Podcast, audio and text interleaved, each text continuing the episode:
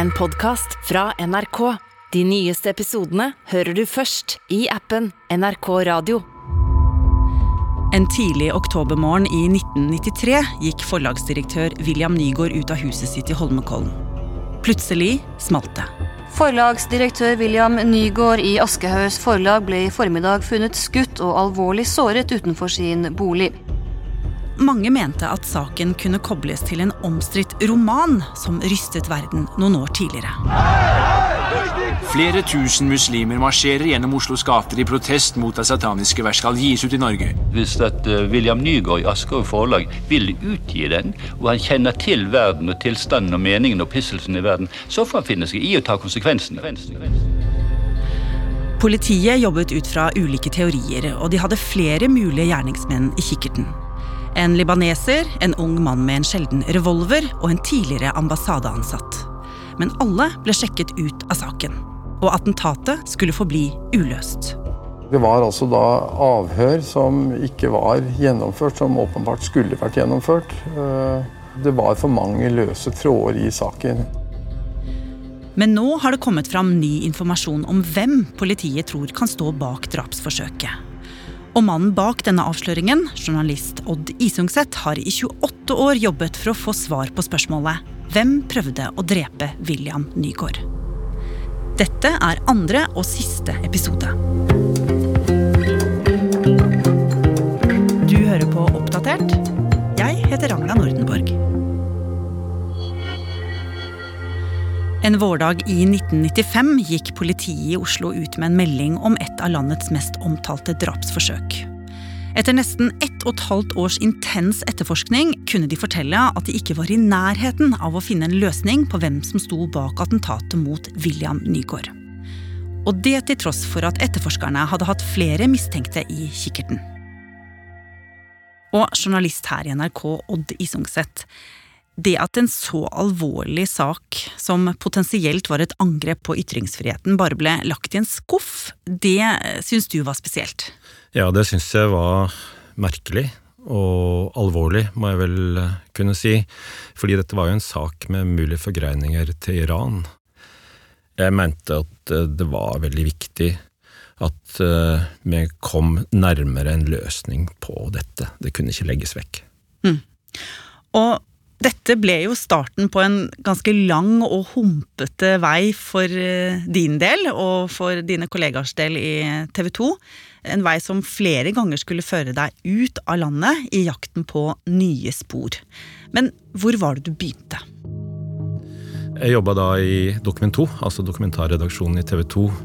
Og så var det en kollega som jobber med krim, som fortalte at han via en advokat hadde fått kontakt med en fyr som sa at han visste hvem som hadde gjort det.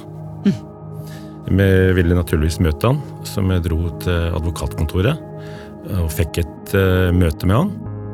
Dette var en fyr som tilhørte et uh, torpedoaktig miljø i Oslo. Han kunne veldig mange detaljer som hørtes helt riktig ut. Han fortalte bl.a. om dekkleiligheter. Han fortalte at han visste hva slags bil som var brukt. Han hevda at våpenet kunne komme til Norge med diplomatpost osv. Men så var det ett stort problem, da. Han sa at han kunne fortelle resten vise oss ting, men da skulle han ha betaling. Og ikke småtteri heller. Han skulle ha 150 000 for dette. Og det var naturligvis eh, helt uaktuelt for oss. Men selv om denne kilden måtte legges vekk, så førte jo dette møtet deg et steg nærmere kjernen av saken likevel. For det var noe med denne informasjonen som fikk deg til å kontakte William Nygaard selv. Ja, det er riktig. Jeg og kollegaen min fant ut at eh, vi hadde veldig lyst til å lage en dokumentar om dette. Så da ringte vi til Aschehoug og til William Nygaard. Han inviterte oss bort til forlaget. Jeg må vedgå at jeg var litt nervøs. Det var liksom å stige inn i litteraturens høyborg. Jeg følte at jeg hadde lest altfor få bøker. ikke sant? Jeg kom inn på kontoret til William Nygaard. Det lå stabler med bøker overalt. Eh, vi satte oss ned. Så fortalte vi litt om denne mannen, denne kilden, tipseren vi hadde møtt. Så på slutten av møtet så spurte vi om han kunne tenke seg å medvirke i en dokumentar. Svaret var kontant nei. William Nygaard sa jeg vil ikke delta som et offer, jeg vil ikke gå rundt og sutre om det jeg har opplevd i et underholdningsprogram på TV. Det var litt sånn Kom tilbake når du har noe nytt, noe substansielt nytt, du gutten min. Det var liksom omtrent sånn dette møtet slutta. Og det bestemte du deg jo for å gjøre, nemlig komme tilbake med nytt om saken. Og hvor var det du begynte? Jeg begynte jo å lese alt som fantes. Og noe av det som sjokkerte meg, var det jeg kunne lese om iransk terror på europeisk jord. Og det leder meg fram til en rettssak i Tyskland som hadde starta omtrent på samme tidspunkt som skudda smalt opp i dagligveien. Diplomatisk krise mellom Tyskland og Iran. I dag har en tysk domstol altså slått fast at drapene på fire iransk-kurdiske opposisjonelle i Berlin i 1992 ble begått på direkte ordre fra iranske myndigheter. Og det skal være første gang at en europeisk domstol slår fast at regimet i Teheran står bak politiske mord i utlandet. Hvorfor var dette interessant for din sak, Odd? Jo, jeg lurte jo på om samme organisasjonsmodell f.eks. kunne vært brukt i Norge i forbindelse med angrepet på William Nygaard. Men det var mer av det som kom frem, som overrasket deg. Ja, jeg fikk jo vite at en av de som satt fengsla i denne saken, han hadde glemt å kvitte seg med en notisbok. Og i den notisboka så sto det flere telefonnumre, og ett av de viste seg faktisk å ende opp i Norge. Og da jeg skjønte hvem det var, da begynte dette virkelig å bli interessant. Fordi det nummeret leder faktisk fram til en libaneser. Ja, Altså mannen som ligna på fantomtegningen, som var basert på en vitnebeskrivelse av gjerningsmannen. Og denne mannen var jo egentlig blitt sjekket ut av saken. Men da politiet ville snakke med han på nytt om dette telefonnummeret, var han umulig å få tak i. Han hadde nemlig blitt utvist fra Norge noen år tidligere for å ha forsøkt å smugle kona si inn i landet. Så verken politiet eller du kom jo noe videre med han. Nei, det eneste jeg veit der, er altså at denne mannen som satt fengsla i Tyskland, altså han som eide denne notatboka, han hevda at han ikke hadde kjennskap til denne saken i Norge, og at han overhodet ikke hadde noe kjennskap til en libaneser i Norge. Han hadde bare fått dette telefonnummeret i tilfelle han en eller annen gang skulle reise til Oslo. Ja. Men denne massakren i Tyskland, som ifølge dommen var orkestrert av Iran, den gjorde deg bare mer interessert i Iransporet. For du hadde jo denne fatwaen, altså den iranske dødsdommen mot forfatter Salman Rushdie og hans oversettere og forleggere i bakhodet hele tida. Og vi husker jo fra forrige episode at det til og med var blitt utløst en dusør fra en iransk stiftelse som skulle gis til de eller dem som klarte å drepe den kontroversielle forfatteren. Så for å bore mer i dette, så bestemte du deg for å søke visum til Iran. Og selv om det var veldig vanskelig for vestlige journalister å få dette på den tiden, så fikk du en positiv beskjed. Ja, plutselig en dag på høsten så ringte det fra ambassaden, og der sa at jeg var velkommen til Iran. Så ikke så lenge etterpå så satt jeg faktisk på flyet sammen med fotograf retning til Iran med en intervjuavtale.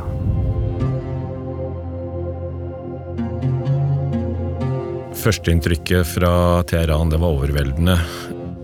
Fra bilen fra flyplassen så kjørte vi forbi enorme plakater av det som så ut som krigere, kjente statsledere. Det var en voldsom hyllest av menn. Og så kjørte vi forbi denne boligblokka der hele denne veggen er malt som et amerikansk flagg. Der eh, stripene blir til bomber, og stjernene er dødninghoder.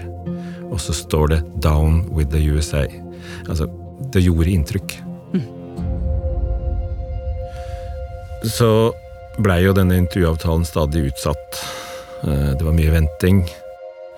Eh, visumet gikk snart ut. Jeg håpte på denne intervjuavtalen. Til slutt så fikk jeg den, rett før vi skulle dra. Men jeg fikk ikke utenriksministeren, jeg fikk generaldirektøren i det iranske utenriksdepartementet, Ebrahim Raimpour.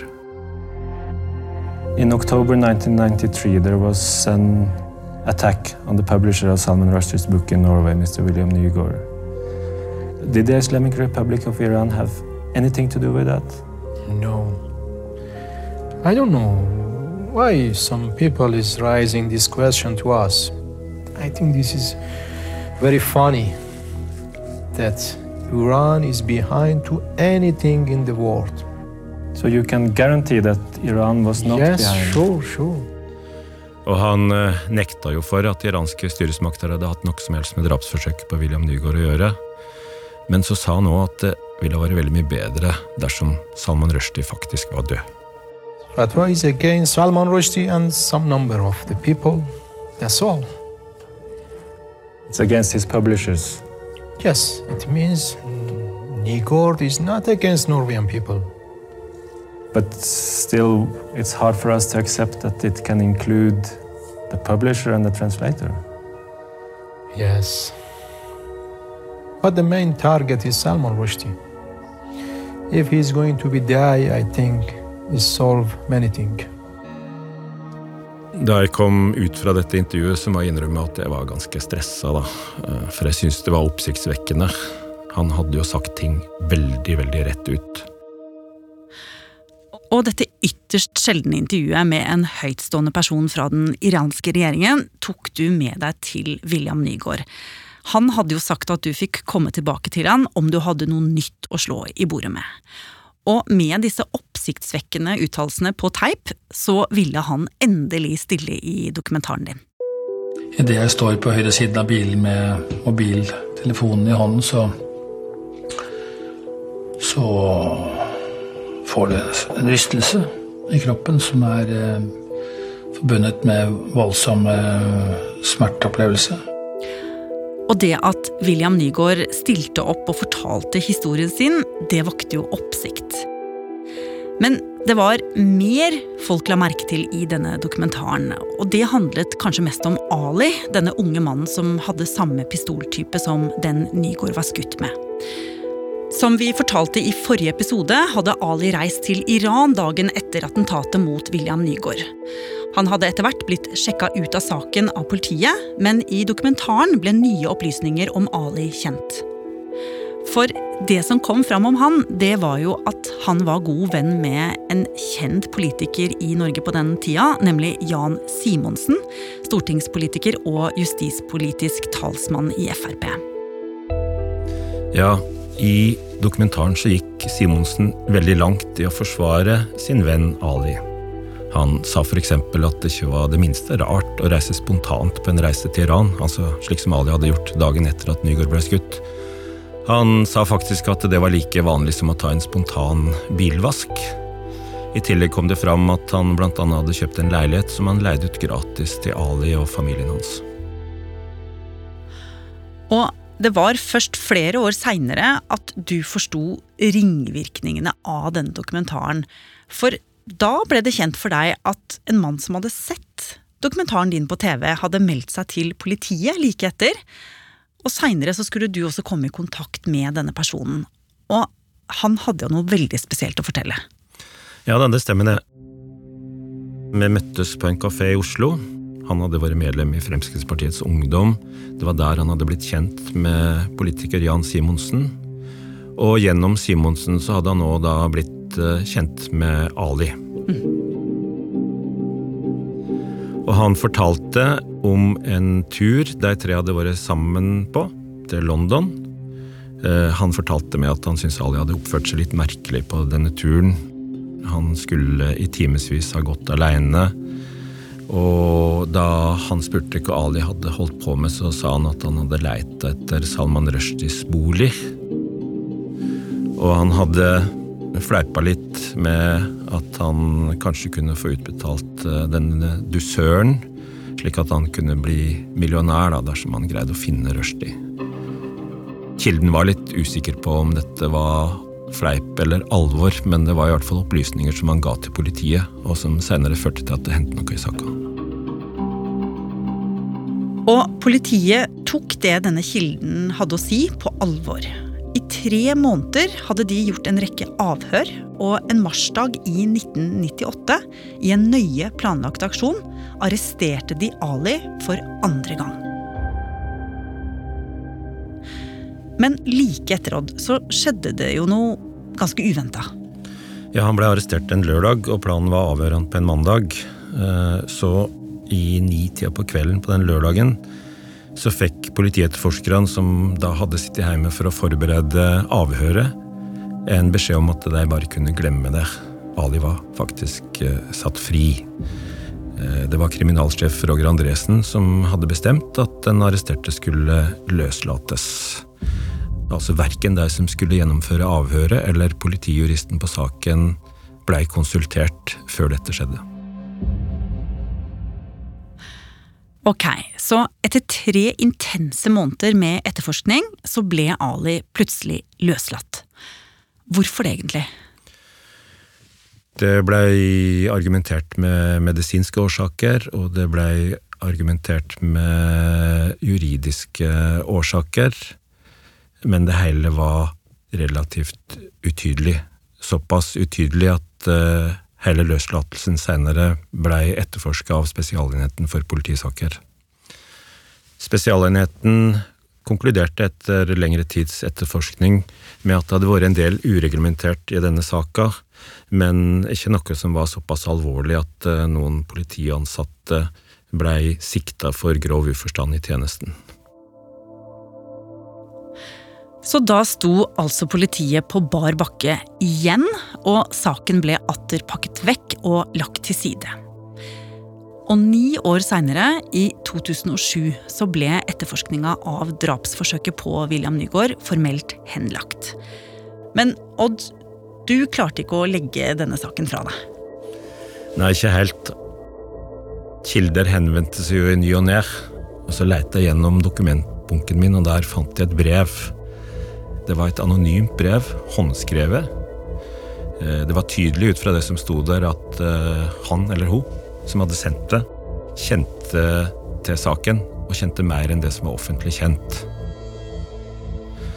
Og så var det den siste setningen i dette brevet som jeg oppfatta som en slags oppfordring direkte til meg, for der sto det 'Dette bør komme fram for det norske folk'. Og du gikk i gang med en ny journalistisk undersøkelse av saken. Og du som hadde egentlig endevendt alt, du også. Hva var det du håpa skulle skje nå? Nei, jeg veit jo det at det egentlig er sånn at politifolk har en evig taushetsplikt. Men så har jeg jo opplevd at uh, det av og til hender ting når folk går av med pensjon. Hvis det har gnaga på et eller annet veldig lenge, så hender det at jeg av og til velger å fortelle det allikevel. Derfor så jobber jeg iherdig for å forsøke å få til dette. Og en av dem var eh, Oslos tidligere markante politimester Willy Hauglie. Vi har hele tiden vurdert om det hadde vært øh, innflytelser innflytelse ute og gått for å bremse det ned, eller ikke gjøre mer med den. Nærmest opplevde jeg det som hemmeligstemplet, selv overfor politimesteren. Samtidig så ble jeg jo klar over at det var en rekke dokument som faktisk var borte. Som ikke fantes i den store boksen med alle dokumenter fra Nygårdssaken, og det var jo merkelig. Det handla om den underlige løslatelsen. Eh, det handla om bildebevis som var blitt borte. Og det handla om det som hendte da Ali fikk tilbake alle våpna sine. Så i sum så var det jo ganske mye som framsto som relativt underlig i etterforskningen av den saka. Og i 2008 ønsket William Nygaard et møte med Riksadvokaten, som han tok med deg på, Odd, for å vise fram dokumentaren din, som jo faktisk poengterte mange av feilene ved etterforskningen. Og bare et par måneder seinere, etter en gjennomgang av saken, ble den gjenopptatt.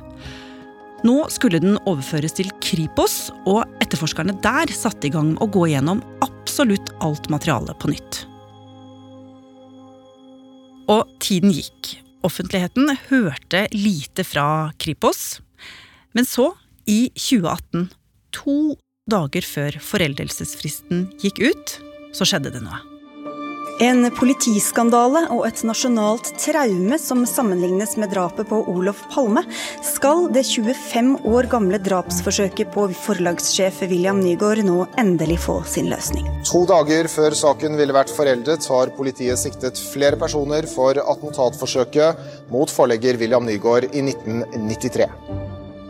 Det spesielle var jo at Kripos da hadde sikta flere eh, for overlagt drapsforsøk, men òg for en paragraf som handla om angrep på sentrale samfunnsverdier. Eh, navna kunne vi ikke få. Jeg var naturligvis veldig veldig spent på hvem er der. Jeg hadde klare formeninger om i hvert fall en av dem. Og nå i høst så var det slutt på tålmodigheten fra din side. Du hadde rett og slett lyst til å løse dette mysteriet en gang for alle. Så da gikk du og annet journalistkollega her i NRK, Mohammed Alayoubi, sammen om å løse saken. Og dere kom videre. Ja, de kom videre. Jeg kan ikke si så veldig mye om hvordan vi fant det ut, men jeg fikk med meg Mohammed Alayoubi, og vi kom til slutt på sporet av han ene. Og det viste seg å være denne mannen som jeg lenge hadde hatt mistanke om at politiet var spesielt interessert i, altså libaneseren som vi kjente igjen fra fantomtegninga. Mm. Og nå fikk vi altså bekrefta hva han hette, Khaled Mosawi. Og etter en del leiting så greide vi å spore han opp. Og så viste det seg at han i tillegg var villig til å snakke med oss, så da var det egentlig bare å bestille flybilletter til Beirut og reise ned. أنا ما لي علاقة بالموضوع بس أنا بدين هالعمل هذا يعني أنا ما بيعني لي ترجمت كتاب ما بتستحق الموت أنا هيك بمفهومي Han fortalte at uh, han ikke hadde noe som helst med dette å gjøre, at han tok avstand fra handlinga, at han syntes det var underlig at han fortsatt var under mistanke, og at han gjerne kunne tenke seg å komme til Norge for å forklare seg. Men hva med dette med forbindelsen til en bevegelse mange frykta, nemlig Hizbollah, som hadde tilknytning til Iran? Han hadde jo flere slektninger som var med der. Hva hadde han å si til det? Han var veldig tydelig på det. Altså, han sa at han hadde flere slektninger som hadde sentrale posisjoner i Hizbollah, men at det jo ikke beviste noe som helst om han. Han sa sjøl at han ikke hadde hatt noe med Hizbollah å gjøre. Men det var jo fremdeles én mann dere gjerne ville ha tak i, nemlig den andre mannen som Kripos siktet i 2018. Ja, og det var jo svært oppsiktsvekkende, sånn som jeg ser det. Altså Gjennom kilder så hadde vi fått bekrefta at uh, den andre faktisk var tidligere diplomat ved den iranske ambassaden i Oslo. Altså mannen som brått hadde reist ut av landet fire dager før Nygaard ble skutt. William Nygaard er rystet over at en tidligere iransk diplomat er siktet for å ha vært involvert i attentatet for 28 år siden. At vi nå får avdekket uh, statsterrorisme av en uh, diplomat, er uh, i seg selv en sjokkerende nyhet. Og med denne mannen siktet, så mente jo da politiet at det kunne være sannsynlig at Iran sto bak attentatforsøket på William Nygaard. Ja, Det er det som jeg mener er den oppsiktsvekkende vendinga nå. da. Altså det å sikte en tidligere diplomat ved den iranske ambassaden betyr jo at uh, politi og påtalemakt mener at det er over 50% sannsynlig at en diplomat faktisk har medvirka til et drapsforsøk i Norge. Men denne mannen var ikke like lett å få tak i for deg som det var med libaneseren? Nei, det er vel bortimot umulig. Altså, Vi gjorde en del forsøk. Eh, vi fant ut eh, hva han hadde gjort etter at han hadde forlatt eh, Norge. Han hadde jo hatt en diplomatisk karriere i forskjellige land rundt omkring. Og jobba nå ved et institutt i Teheran.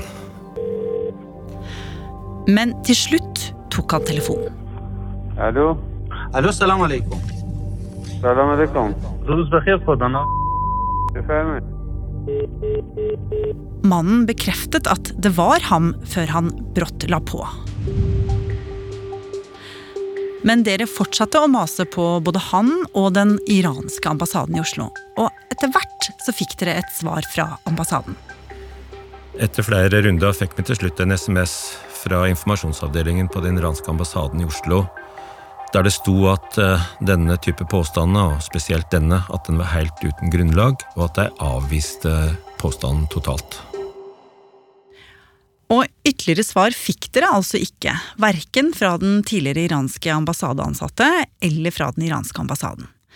Men Odd, hvorfor valgte dere å publisere og offentliggjøre hvem Kripos har sikta i denne saken? Nei, det er ingen enkel vurdering, men jeg tenkte at det var på tide å faktisk forsøke å finne ut hvem det var som var sikta, og at eh, det var viktig at offentligheten fikk vite om det.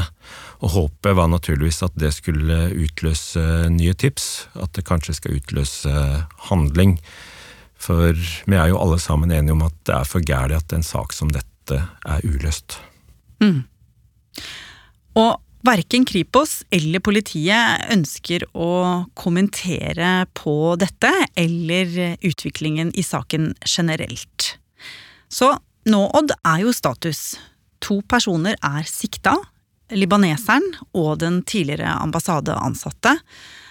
Men om siktelsene vil føre til at de vil bli tiltalt, eller om det noen gang blir en rettssak, det vet vi jo ikke ennå. Men hva med Ali og andre som har vært mistenkt i denne saken? Jeg er jo kjent med at Kripos har gjort flere forsøk på å få til nye avhør med Ali, men har fått som svar at han har vært for sjuk, eller at han ikke ønsker å forklare seg på noen annen måte enn rettslig. Så så vidt jeg veit, så har han heller ikke denne runden vært avhørt på ny. Så status nå er jo at for alle andre enn de to som faktisk er sikta, så er saken forelda. Ja, altså at de ikke kan trekkes inn i saken fordi det har gått for lang tid. Ja, det er helt korrekt. Nå har du jobbet med denne saken i veldig mange tiår. Tror du vi får noen løsning? Jeg håper jo det, men jeg er jo i tvil om vi noen gang vil komme så langt at noen faktisk blir tiltalt eller dømt. Men det kan jo hende at vi allikevel får et ganske klart bilde av hva som faktisk har hendt. NRK har forsøkt å komme i kontakt med Ali, men han har ikke besvart henvendelsene våre. Tidligere kriminalsjef i Oslo, Roger Andresen, sier til NRK at Spesialenheten gjennomførte en grundig etterforskning som konkluderte med at han ikke hadde gjort noe galt, og hvor saken ble henlagt. Utover det skriver han at han ikke har noen ytterligere kommentarer, annet enn at dette var en tung og belastende tid for ham. Og tidligere Frp-politiker Jan Simonsen døde i 2019. Den iranske ambassaden i Oslo avviser altså at de eller en tidligere ansatt hos dem har vært involvert i saken.